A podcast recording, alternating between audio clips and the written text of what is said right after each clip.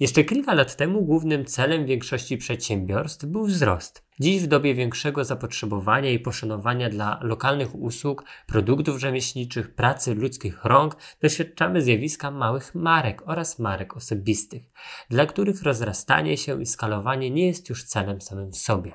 Dziś nie można już powiedzieć, że marka korporacyjna jest lepsza od marki osobistej ani odwrotnie. Można natomiast opowiedzieć wiele o tym, czego wzajemnie sobie zazdroszczą. O autentycznym i szczerym przekazie, wielkości budżetu na nowe działania, szybkości wdrażania zmian czy dostępności narzędzi brandingowych. Kto komu i dlaczego zazdrości? Zapraszam do wysłuchania rozmowy, gdzie wspólnie z Sylwią Bodnar odpowiemy na te i wiele innych pytań.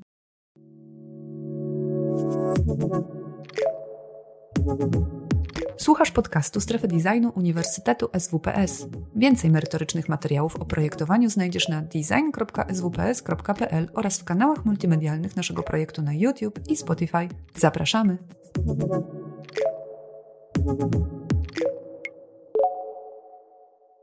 Cześć, dzień dobry, ja nazywam się Mateusz Anczczak. A ja nazywam się Sylwia Bodnar. I witamy Państwa w kolejnym spotkaniu z cyklu praktycznie o projektowaniu, w ramach którego o tym projektowaniu właśnie sobie rozmawiamy i poszukujemy pewnych prawd, które tych właśnie pewnych aspektach czy obszarach projektowania się ukrywają przed nami. Dzisiaj zadaliśmy sobie takie pytanie, czego sobie zazdrości, zazdroszczą marka osobista i korporacyjna. Jest to pytanie, myślę, niełatwe, ale za chwilę postaramy się w jakiś sposób na nie odpowiedzieć. Ale zanim oczywiście przejdziemy do właściwego tematu, chcielibyśmy zaprosić Państwa do tej dyskusji, e, do włączenia się w naszą rozmowę poprzez czat, który najprawdopodobniej znajduje się gdzieś po prawej stronie tego okienka, w którym nas Państwo widzicie.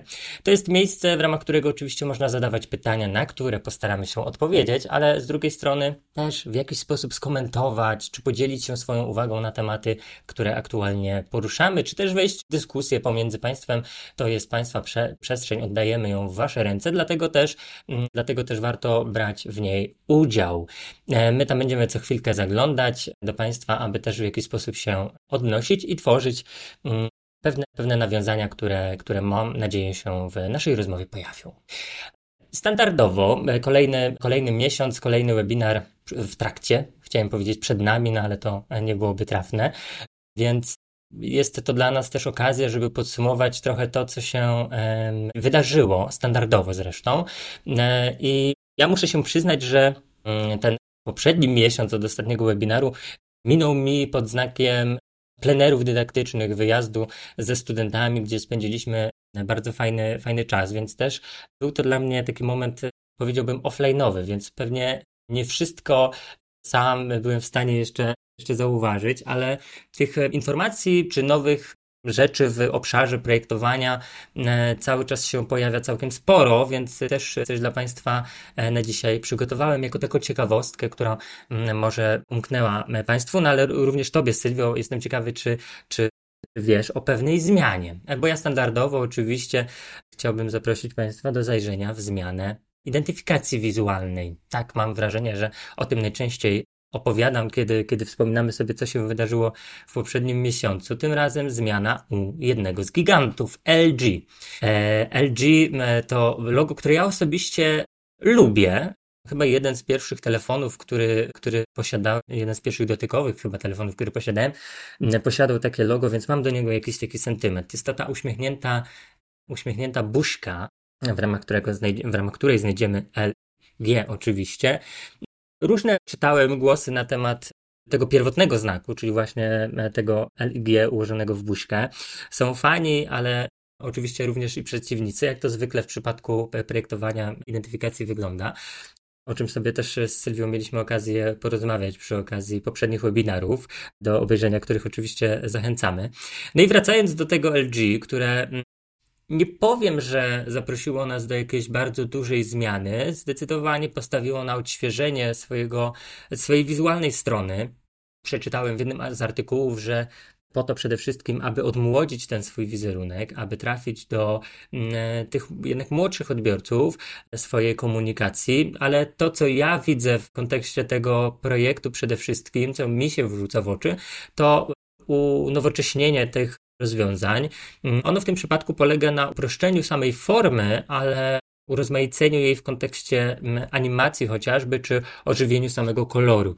Moim zdaniem jest to zdecydowany zwrot w stronę online'u i tego, kiedy właśnie takie animacje, e, czy właśnie sam żywy kolor tworzy e, jeden z elementów, który przede wszystkim może wspomóc samobudowanie komunikacji wokół marki, na przykład w mediach społecznościowych, kiedy to logo LG może się do Państwa uśmiechnąć, kiedy oglądacie mm, jedno z Instastory opowiadające o nowym, e, nowym produkcie. Dla mnie jest to zmiana bardzo ciekawa. Nie jest ona jakoś super rewolucyjna. Pojawia się tam, tak jak wspomniałem, ten nowy kolor. Myślę, że on jest mm, bardzo fajnym odświeżeniem.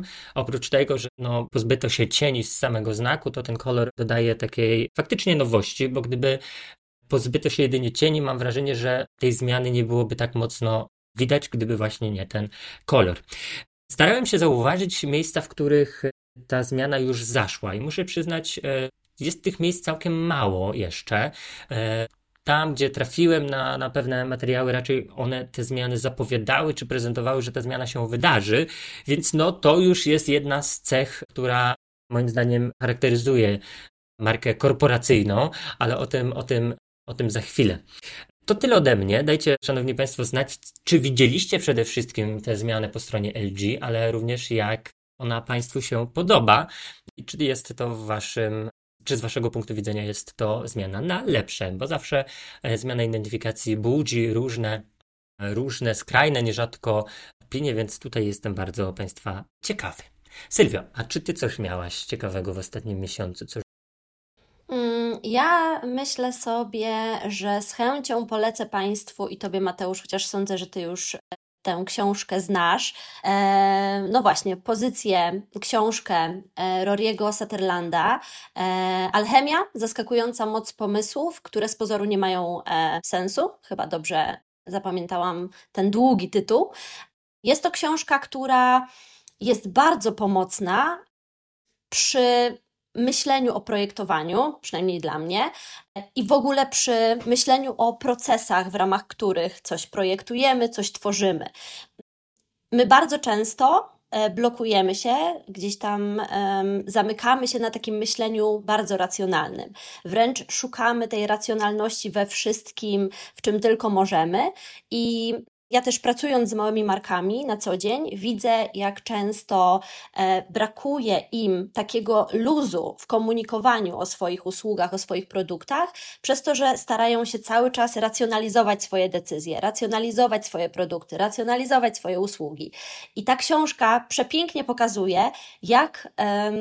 myślenie w taki sposób irracjonalny, w taki sposób wręcz nazywany przez autora czasem magicznym, takim alchemicznym, pomaga tworzyć innowacje i pomaga tak naprawdę tworzyć coś e, ciekawego, innego, coś, co się wyróżnia na rynku. Mm, tą książkę, czy, czy treść tej książki można tak naprawdę zastosować do do wszystkich obszarów i życia, i takich obszarów zawodowych, obszarów projektowania, e, i do brandingu, e, i tak naprawdę do budowania jakiegoś takiego mindsetu biznesowego, jeżeli właśnie ktoś prowadzi małą firmę, małą markę. E, naprawdę ta książka, ja już wracam do niej po raz któryś, ale ta książka za każdym razem na nowo mnie gdzieś tam zaskakuje i na nowo. Mm, odnajduje we mnie jakieś takie nowe, nowe ścieżki, nowe drogi. E, zawsze się na nowo nią jakoś zachwycam, dlatego że znajduję w niej mm, jakieś nowe rozwiązania, czy to w kontekście właśnie projektowania marki, e, czy to nawet takie odniesienia do, do naszej codzienności. Także to jest na pewno taka pozycja, którą e, chciałam Państwu polecić, bo wiem, że tutaj jeszcze o, tym, o tej książce nie mówiłam. Nie wiem, czy Ty, Mateusz, z książką jesteś zapoznany? Trafiłem kiedyś na tą pozycję, przyznam, że gdzieś tam leży na mojej wielkiej kupce przeczytania jeszcze, ale Twoja rekomendacja myślę tutaj trochę zmieni kolejność, e, bo to, to o czym też powiedziałaś, może być dla mnie osobiście mm, pewną inspiracją w kontekście Mm, tego, czym aktualnie się zajmuję. Ja przed sekundą, przed rozpoczęciem webinaru mówiłem tutaj w kuluarach, że jestem pochłonięty pisaniem artykułu na temat właśnie projektowania identyfikacji wizualnych. Tam dużo opowiadam o procesie. Ja ten proces przedstawiam w możliwie logiczny, systematyczny sposób, tak? Czyli pewnej przyczynowości i skutkowości naszych działań.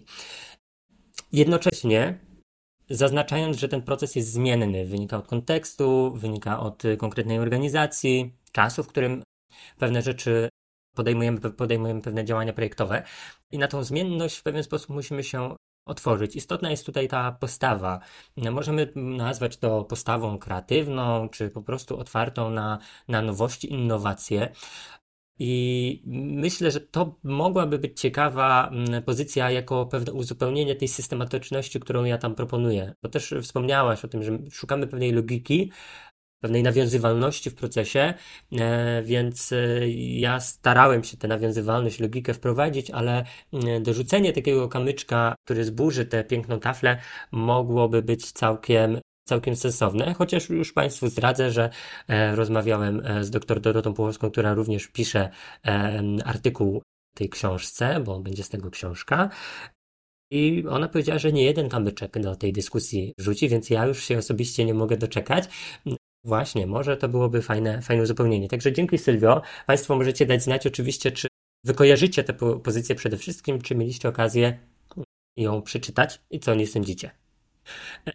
No i to taka nasza standardowa część podsumowania tego, szanowni państwo, co było. Teraz przyszedł czas na to, aby myślę porozmawiać o tym, co jest naszym właściwym tematem, czyli właśnie tego, Dlaczego zazdroszczą sobie marka osobista i korporacyjna? Znowu standardowo chyba. Zacząłbym od pewnych definicji, abyśmy byli w stanie zrozumieć to, o czym mówimy, kiedy stawiamy pewne granice z Sylwią, mówiąc o marce osobistej i marce korporacyjnej. Tak nieformalnie, ale ja wiem, z czego to wynika. Podzieliliśmy się z Sylwią tym, że Sylwia przedstawi Państwu krótką opowieść o tym, jak widzimy markę osobistą czy, czy, małą markę, a ja postaram się dorzucić coś w kontekście marki e, korporacyjnej. To może zacznijmy od, e, od Ciebie, Sylwio. Od tych Jasne. Mniejszych. Marka osobista, myślę, że od niej warto jest e, zacząć. Jest to marka, która przede wszystkim opiera swoją propozycję wartości na danej osobie. Inaczej moglibyśmy też powiedzieć personal branding, to też pewnie Państwu jest znana e, taka, taki termin. I tutaj mm, to, co jest dość ciekawe w kontekście marki osobistej, przynajmniej dla mnie, to to, że tak naprawdę marki osobiste nie tylko możemy znajdować w bardzo różnych obszarach życia, bo marką osobistą może być przykładowo joginka, tak? czyli na przykład osoba, która prowadzi zajęcia jogi, może być marką osobistą. Równie dobrze marką osobistą, osobistą może być jakaś osoba, która jest na przykład aktorką czy aktorem, czy celebrytka, celebryta. Więc tutaj jest bardzo duża taka rozbieżność pomiędzy też tymi jakościami i tym, w jakich obszarach te różne marki osobiste mogą funkcjonować. I jak do tego dołożymy sobie jeszcze taki insight związany z tym, że tak naprawdę każdy z nas może być marką osobistą, ponieważ my, jako osoby, które pracują w jakiejś branży, specjalizują się w czymś, nawet jeśli nie prowadzimy firmy, nie jesteśmy przedsiębiorcami czy przedsiębiorczyniami, również możemy być marką osobistą. Wtedy my, budując swoje nazwisko, budując cały ten taki świat przeżyć wokół naszej osoby, wokół naszego nazwiska, mamy też większą szansę na przykład w przyszłości pozyskać pracę, która nas interesuje, tak? Czyli tutaj też, jeśli mówimy o marce osobistej, żeby była jasność, nie mówimy wyłącznie o takich osobach, które są przedsiębiorcami czy przedsiębiorczyniami, a więc oferują jakieś produkty, usługi i pod marką osobistą spinają te produkty, usługi, ale mówimy też o osobach, które są specjalistami, ekspertami w jakiejś dziedzinie i po prostu pracują w firmach większych, tak? Więc tutaj, żeby, żeby to było jasne. Natomiast mamy też marki małe. To jest taki termin mała marka, który nie jest jakiś bardzo popularny. Ja też jako osoba, która pracuje dużo z małymi markami, staram się go mocno popularyzować. U mnie to wynika z tego, że ja gdzieś tam wierzę, że małe marki mają naprawdę wielką moc i nie trzeba wcale być właśnie marką korporacyjną czy, dużą firmą, dużą marką, żeby zaoferować swoim klientom i klientkom wartościowy produkt czy wartościową usługę. Więc dla mnie gdzieś tam bardzo ważne jest mówienie też o tym, że będąc firmą, będąc marką, nie trzeba wcale się skalować. Można podjąć taką decyzję o tym, że zostajemy w takiej wielkości, w jakiej jesteśmy. I to jest dla mnie ta siła małej marki. Czyli właśnie to, że marka nie jest wielka, tutaj wielka w znaczeniu nie pracuje w niej, w tej firmie mm, dużo osób, jest to, może być to bardzo mały zespół, nawet taki dwu, trzy, czteroosobowy, Natomiast może to być jednoosobowa działalność również, tak? która po prostu nie jest marką osobistą ze względu na to, że tym pierwszym filarem komunikacji nie jest nazwisko osoby, która stoi za tą marką, natomiast osoba gdzieś tam w pewnym sensie chowa się za jakimś budowanym filarem nazwy, za jakimś filarem takim wizualnym, to już tutaj jest drugorzędne. W każdym razie marka osobista, marka, która bardzo mocno gra osobowością, wizerunkiem osoby, która za tym stoi. Mała marka to może być marka większa od marki osobistej, ale niekoniecznie musi.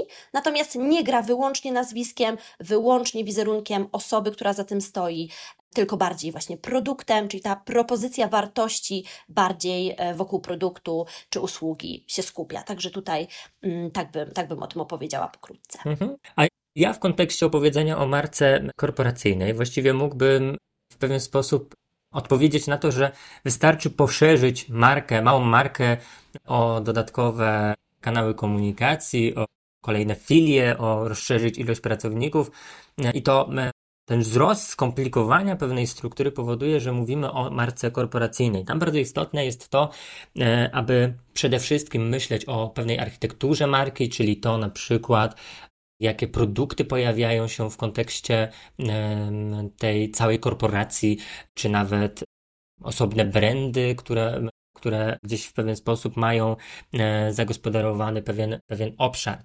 Oczywiście jest to kwestia z jednej strony skali, czyli tego właśnie, o czym wspomniałem, ilości pracowników, ilości e, filii, ilości produktów, mm, ale tam też e, myślimy przede wszystkim o tym, aby w pewien sposób właśnie tą skalą pracować, tak, aby ona się w pewien sposób zwiększała, e, aby poszukiwała nowych źródeł dochodu.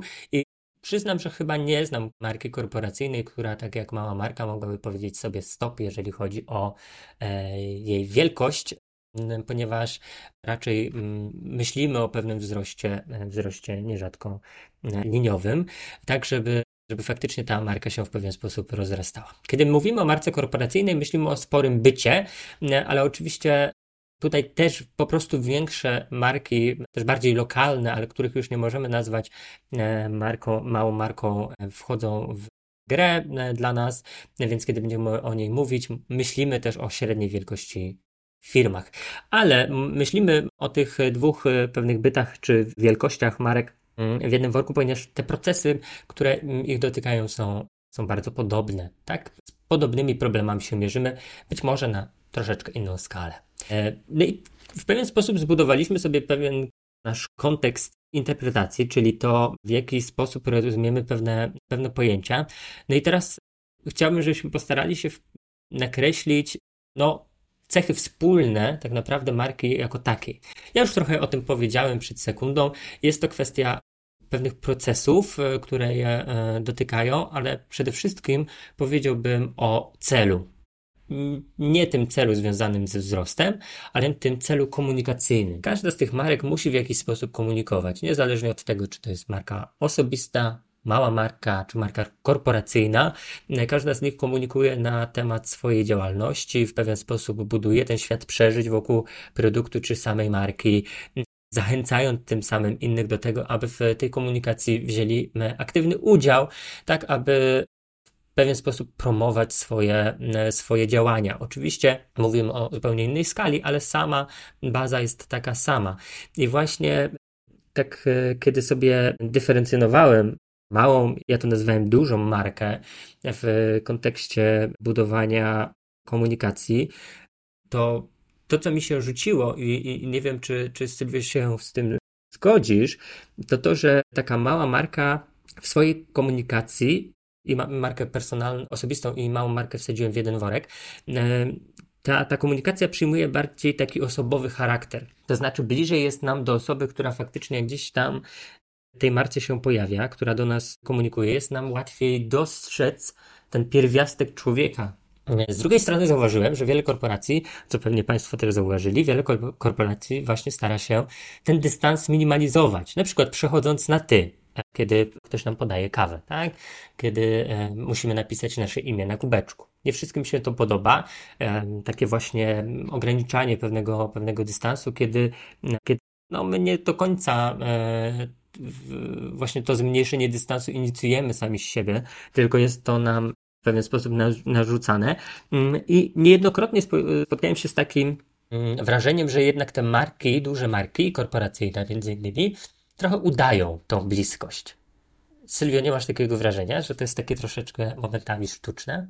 Tak, zdecydowanie. Tutaj y, otworzyłeś drzwi y, pierwszej zazdrości, tak naprawdę, czyli właśnie tego, że duże marki zazdroszczą często tym mniejszym, czy to markom osobistym, czy to małym markom, tej autentyczności, tego tak zwanego human touch, czyli właśnie tej charyzmatycznej postaci, która jest w stanie ten wizerunek gdzieś tam pociągnąć i faktycznie większe marki wykorzystują takie rozwiązania, które mają w pewnym sensie zastąpić właśnie tą charyzmatyczną osobę, która albo ten wizerunek gdzieś tam ciągnie w górę, czyli mm, pokazuje swoim potencjalnym klientom i klientkom, że my jesteśmy właśnie tacy ludzcy, tacy bliscy Wam, e, czy też e, bardzo często są to takie wizerunki ekspertów, ekspertek, bardzo konkretnych osób, i to też jest taki zabieg, który ma pokazać, że za tą marką stoi człowiek, czyli uczłowieczyć tak naprawdę ten, ten, ten byt, który może nam się wydawać taki obcy, taki, e, taki globalny. Tak? I, I w tym przypadku rzeczywiście tutaj marki stosują takie rozwiązania i to naprawdę we wszystkich, we wszystkich e, bym powiedziała branżach, bo myślę tutaj o, o branży takiej, takiej bardziej powiedzmy medycznej, gdzie jakieś suplementy diety, gdzie wyciąga się mm, człowieka, który jest twarzą w tym momencie marki, czy to lekarz, czy to jakiś dietetyk, tak? Pokazujemy osobę i ta osoba w tym momencie uczłowiecza wizerunek tej dużej firmy. Natomiast Myślę sobie też o, o jakichś takich obszarach motoryzacyjnych, tak? gdzie, gdzie staje nawet bardzo często również celebryta w postaci tej osoby, która uczłowiecza markę, uczłowiecza dużą markę. Więc zdecydowanie jest to ten obszar, w którym duża marka ma czego pozazdrościć małej marce, ponieważ dla małej marki to będzie zawsze bardzo naturalne, to będzie zawsze pierwszy krok budowania komunikacji, ponieważ Najczęściej, jeśli to są szczególnie mm, jakieś firmy mm, oparte o usługi, no to często ta osoba po prostu te usługi e, oferuje. Jest na pierwszej, na pierwszym froncie, na, na pierwszej linii dokładnie w tej, w tej firmie. Więc tak, tutaj mamy pierwszą zazdrość. Na, na pierwszej linii. Mhm. Tak, ja, ja, ja sobie teraz tak y, pomyślałem o mm, pewnym doświadczeniu, które mam w kontekście właśnie może małej marki, ale pewnego zwrotu, który zrobiłem w swojej karierze. Kiedy zaczynałem, tak sobie wyobrażałem, że bardzo mi zależy na tym, żeby właśnie zbudować dużą markę, która będzie odpowiedzialna za projektowanie, będzie miała takie sztandarowe projekty. Marzyło mi się wielkie studio, w ramach którego będzie wielu projektantów i od samego gdzieś tam początku starałem się budować mm, takie przeświadczenie właśnie, że moi klienci mają właśnie teraz kontakt z taką marką, że tam jest kilku ludzi, którzy za tym brandem stoją. Nierzadko mm, byłem, to ja pisząc o sobie w liczbie mnogiej, jesteśmy, tak, zamiast jestem, ale bardzo szybko okazało się, że trochę brakuje mi właśnie tego pierwiastka człowieka i budowania relacji, bo tacy klienci, którzy najczęściej ze mną zostawali, którymi, których mógłbym nazwać stałymi klientami, właśnie to były osoby, które mnie w jakiś sposób znały, czyli już tą warstwę jesteśmy, zrobiliśmy, zdjąłem, tak, czyli przeszedłem z obsługi czy posługiwania się tą marką jakąś taką wyimaginowaną troszeczkę, e, a jakby zbudowałem tą taką relację bardziej bliską. Więc to, o czym ty mówisz, czyli właśnie ten początek, kiedy mamy szansę budować taką relację bliską, myślę, że warto warto przy tym pozostawać możliwie długo, kiedy to, e, kiedy to właśnie ta relacja jest w pewien sposób e, e, budowana czy zachowywana. No bo tak jak sobie teraz udowodniliśmy, duże marki zazdroszczą jednak tego, tego bliskiego kontaktu, bo właśnie kiedy, kiedy myślę o małej marce czy marce osobistej, no to tam mamy tą bliskość taką bliską osobę, jakąś twoją znajomą, która z tobą pracuje, jakaś osoba, która, której też w pewien sposób wierzysz. I mam wrażenie, że korporacje e, szukały pewnego sposobu na to, aby właśnie też mieć osobę, której się wierzy. I w tym przypadku, tak jak wspomniałaś, z jednej strony mamy celebrytów, jakieś gwiazdy, które podziwiamy, wierzymy im w konsekwencji, że ten produkt, usługa jest dobry, ale z drugiej strony wielkie marki też posługują się mm, no nazwę to takimi osobami, które możemy nazwać guru. Steve Jobs, Mark Zuckerberg, tak? To są osoby, za którymi później, za ich biografiami podążamy, tak? Szukamy pewnych wzorców, o której to oni nie wstają wszyscy, e, tak? Żeby, żeby osiągnąć ten, ten, ten sukces, czyli oprócz tego, że mamy markę korporacyjną jako pewien zbiór osób, jako, jako całość firmy. Z drugiej strony mamy to wsparte pewnym guru, e, który tą markę w jakiś sposób uczłowiecza, opowiadając historię o tym, jak właśnie to wszystko powstawało w garażu, ile to potrzebne było pracy, żeby do tej, do tej obecnej sytuacji doprowadzić, tak? Powstają filmy, powstają biografie właśnie na ten temat. Taką, taką relację tutaj, tutaj zauważam właśnie, że, że, że e, mała marka to jest bliska osoba, a duża marka to jest jakiś taki guru. Co o tym sądzisz?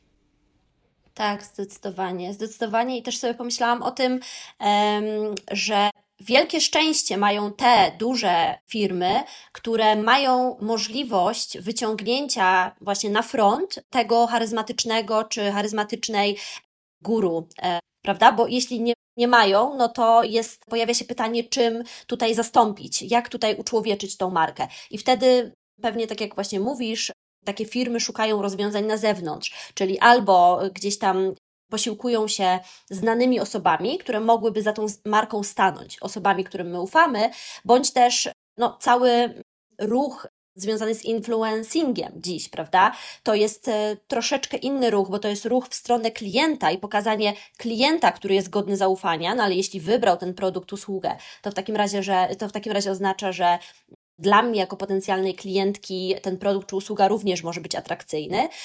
Także tutaj takie dwa ruchy, więc ogromnym szczęściem jest, jeżeli taka firma ma faktycznie dobry materiał na górę, prawda, wewnątrz tych struktur. Natomiast jeśli nie ma, no to pojawia się większe wyzwanie, ale jak widać, firmy też sobie e, z tym jakoś radzą.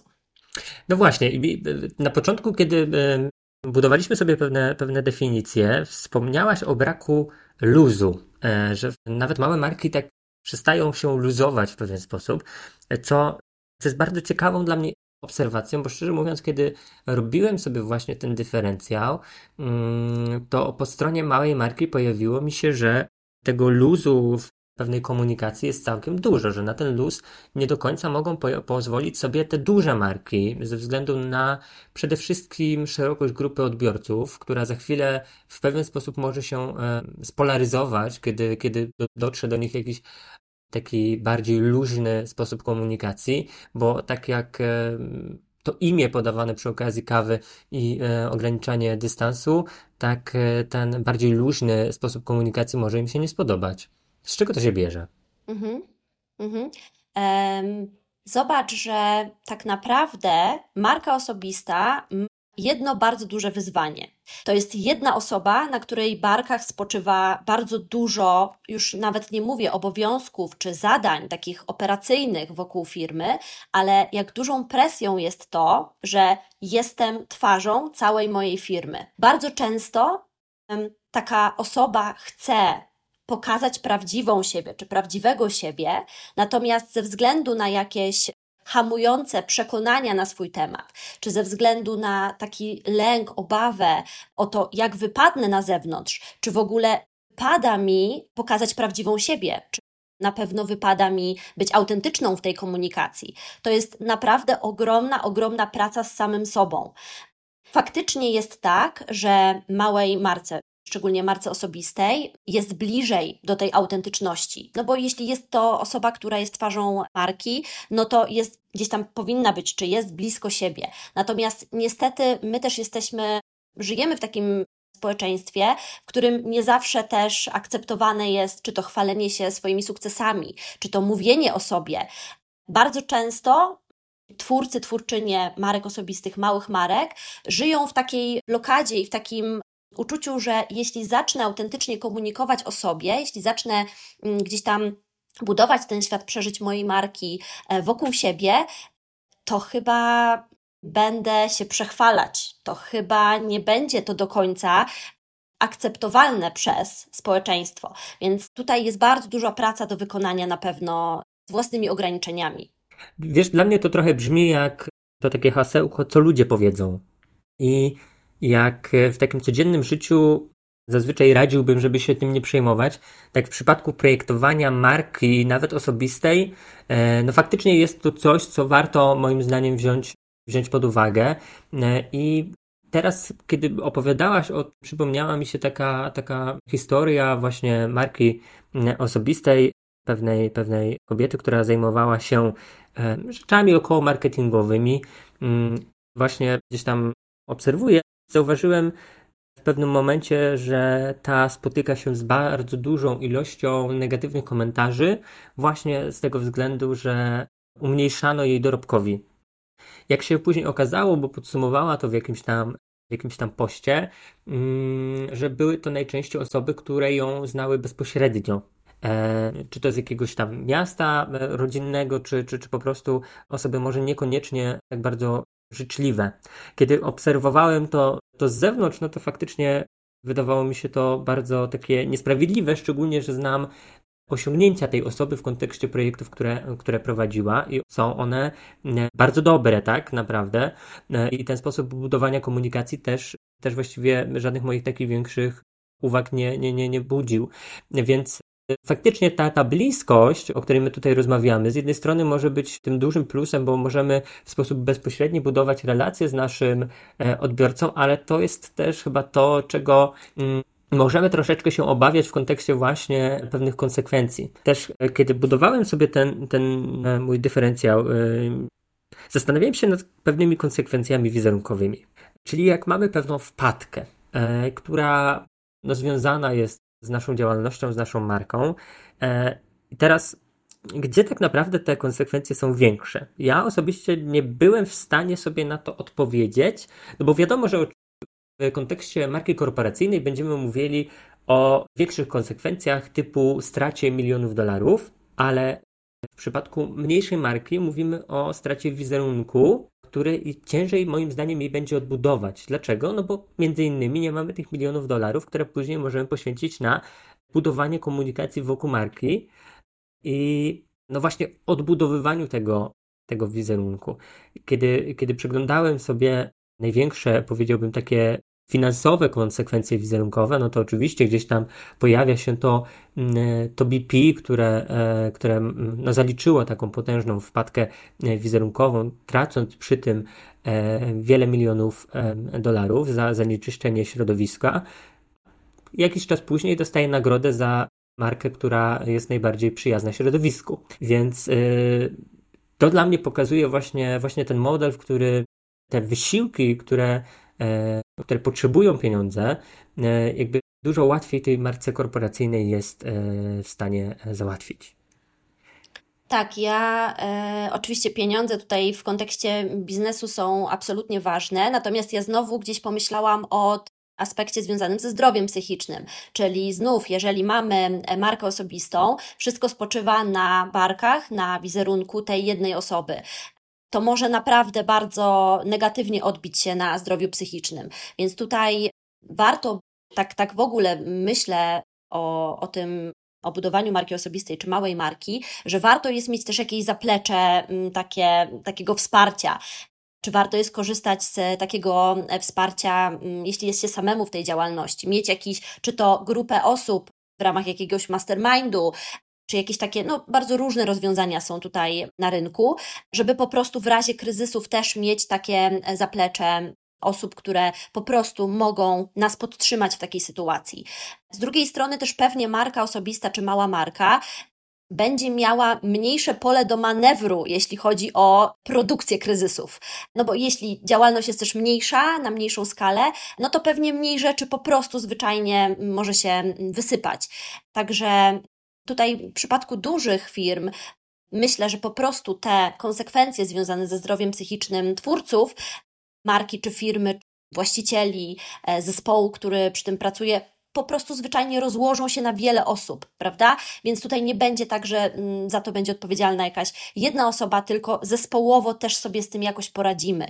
Więc to na pewno też jest jakiś tam plus większych zespołów, większych firm, że te konsekwencje rozkładają się na większą ilość. No właśnie, też jak rozmawiamy o pewnej ilości osób, e, to już trochę zbaczając z tego tematu pewnych, pewnych konsekwencji e, wizerunkowych, e, zastanawiałem się, czy jest to plus, czy jest to minus tak naprawdę takiej, takiej marki. Tu znowu nie mam jednoznacznej odpowiedzi, bo z jednej strony, kiedy myślę o procesach projektowych, kiedy na przykład mówimy o jakimś procesie brandingowym, przyjmijmy jakiś jako, jako, jako pewien punkt referencji, to ta ilość osób z jednej strony jest w stanie nam mocno wzbogacić ten proces o różne perspektywy, które w przypadku projektowania tych kwestii takich bardziej strategiczno-wizerunkowych myślę jest bardzo, bardzo istotne.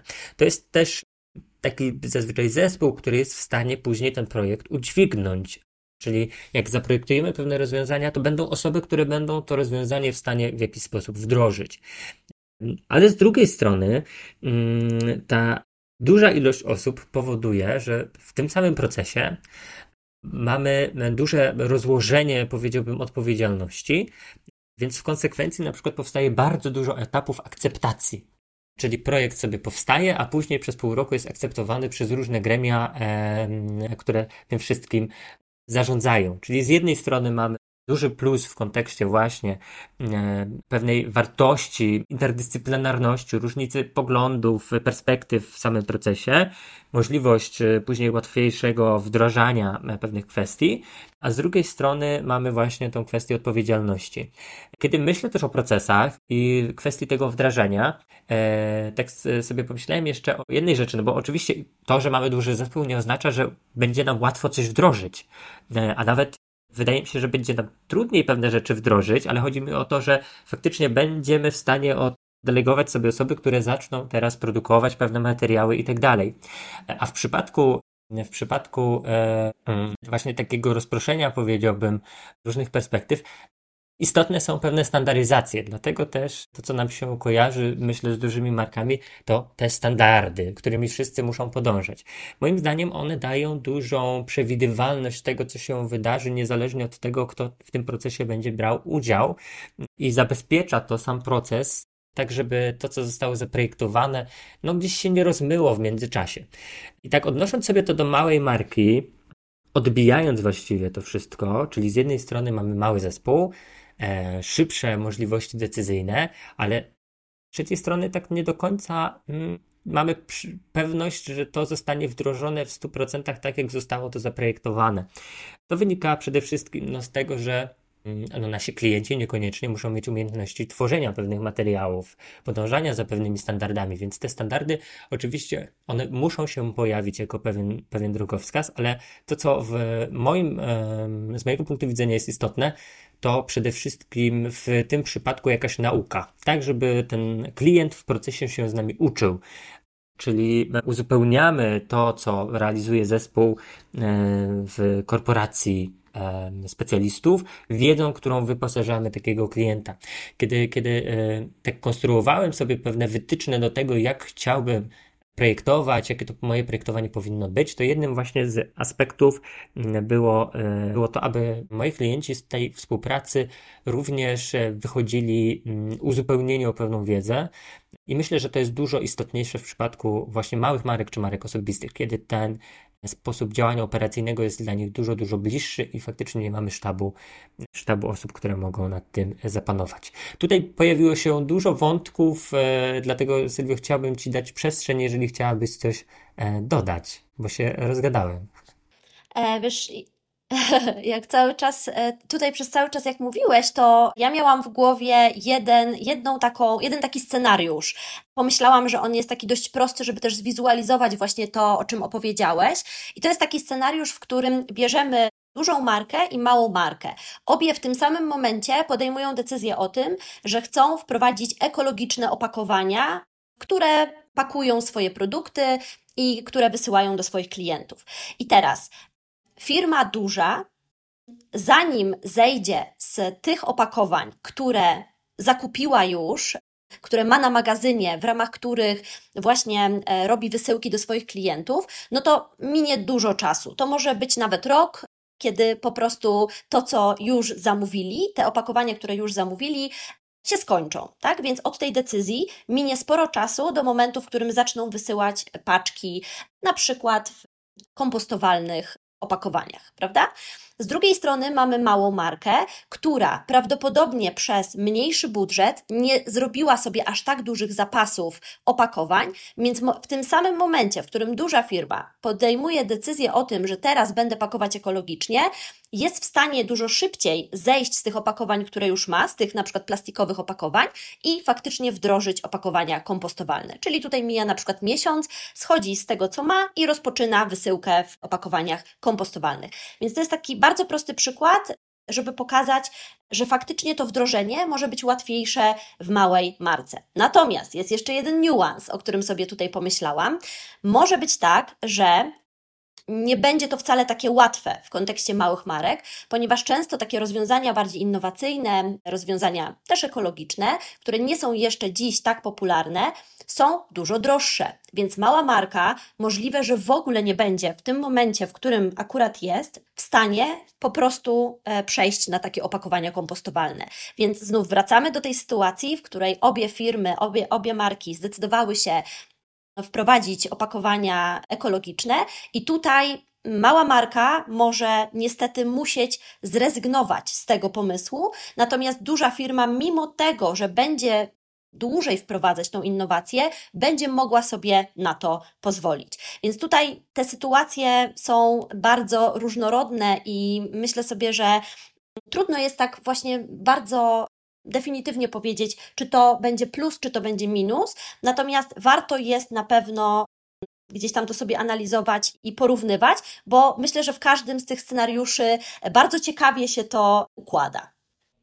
No tak, też w kontekście właśnie samego, samego procesu, tak sobie myślę, że e, bardzo istotna rzecz, o której, o której warto wspomnieć, i którą zaczęłaś, to właśnie ta kwestia budżetu, ale nie w kontekście opłacenia pewnych ludzi, którzy nam wykonają usługi, raczej jest to kwestia e, też tego, co możemy na tym poziomie kreacji zrobić. Te wielkie korporacyjne marki są w stanie zrobić naprawdę bardzo ciekawe kreacje, czy to reklamowe, czy, czy, czy jakieś, jakieś właśnie promocyjne, czy, czy po prostu zainwestować w sam produkt duże pieniądze pod to, żeby zwiększyć jego wartość, czy w tych pierwszych przypadkach e, jakiś zasięg tak, tego, e, tego, tego produktu. Dlatego też myślę sobie, że dużo pewnych wzorców projektowych, o których sobie rozmawiamy mm, przy okazji dyskusji na temat reklam, identyfikacji wizualnych, pojawia się właśnie skąd tego mm, obszaru dużych marek, ponieważ te realizacje robią wrażenie skalą. No, możemy sobie tutaj wziąć jako przykład Netflixa, który przy okazji promocji każdego serialu tworzy wyjątkowe kreacje. Oczywiście nie, nie, nie wszystkim one się będą podobać, no ale to, to rzecz jasna, o której też wspomniałem na samym początku, no bo dużo szersza grupa odbiorców jest w tym, w tym kontekście, ale jest ich stać na to, aby na przykład taką promocję poprowadzić na całym świecie, tak? Jakieś stworzyć instalacje, zrobić pewne zagadki, zagrać z tym odbiorcą w jakiś sposób, tak? A w przypadku małej małej marki, no oczywiście jest to pewnym ograniczeniem. Co nie znaczy, e, i to bardzo bym chciał podkreślić, że tam nie ma dobrych pomysłów, bo tam są oczywiście bardzo dobre pomysły, tylko one są realizowane na dużo mniejszą skalę. E, ale dzięki temu są bardziej, moim zdaniem, spersonalizowane. Czyli ta promocja nie przyjmuje charakteru teraz to zróbmy coś wow, tylko to zróbmy coś, co do naszych odbiorców trafi, co będzie dla nich bliskie, gdzie zwrócimy się do nich bezpośrednio e, i zaprosimy ich do, do, do, do udziału w jakiejś aktywności, tak? E, czy to będzie sprawdzenie naszego produktu, czy, czy, czy cokolwiek innego, jak skorzystanie z usługi.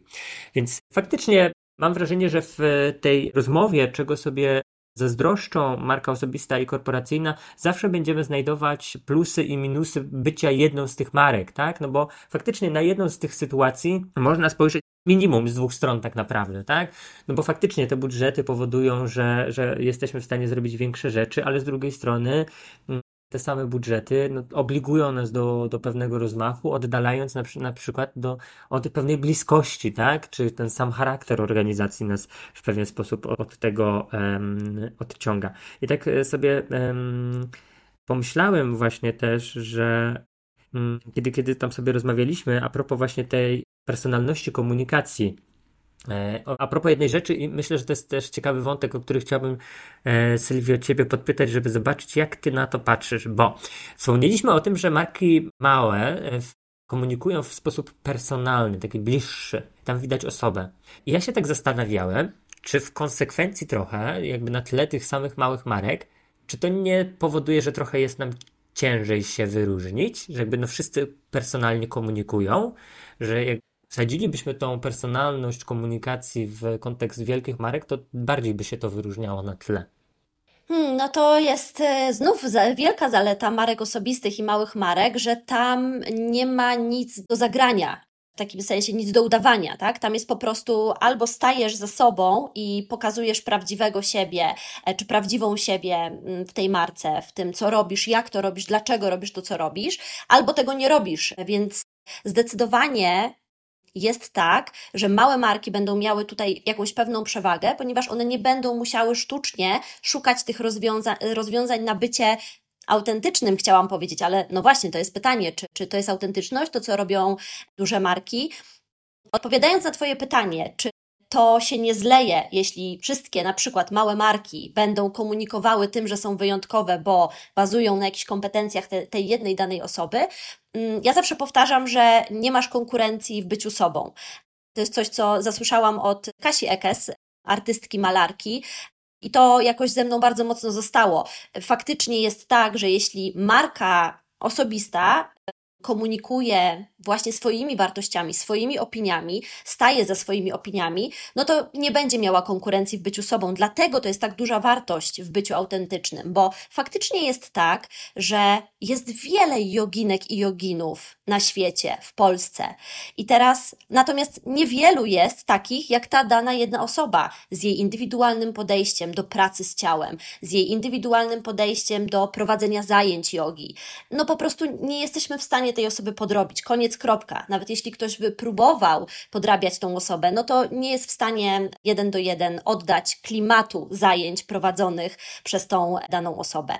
I to, co powiedziałeś, też mnie e, natchnęło tutaj do takiej refleksji, że może w tym wszystkim nawet nie chodzi o zazdrość e, w tej relacji pomiędzy marką korporacyjną a marką osobistą czy małą marką, raczej o taką zdrową inspirację, czyli właśnie o to, żeby te marki czerpały ze swoich świetnych pomysłów i przypomniało mi się, że w sumie jest jedna marka, która wiem, że tak robi. Jest to marka Converse.